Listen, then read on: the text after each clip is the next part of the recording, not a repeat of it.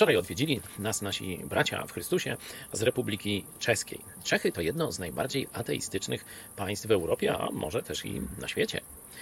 Stąd u Czechów ciągle jest ten problem sensu życia.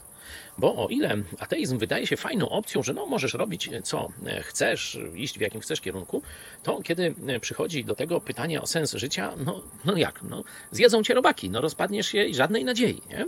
Czyli o ile może dość wesoło tu życie wyglądać, choć nie każdy, że tak powiem, z tej wesołości skorzysta, bo przecież wielu ateistów popełnia samobójstwa i ta wesołość nie daje im radości prawdziwej. No i teraz zestawcie to z chrześcijaństwem, bo chrześcijaństwo daje radość życia. Jezus powiedział, że ja przyszedłem jako dobry pasterz dać wam najlepsze życie, jakie człowiek może sobie wymarzyć. Ale nie na 80 czy 90 lat. Przyszedłem dać wam życie wieczne. Czyli mamy najlepsze życie tu na ziemi i życie na całą wieczność. Prosty wybór.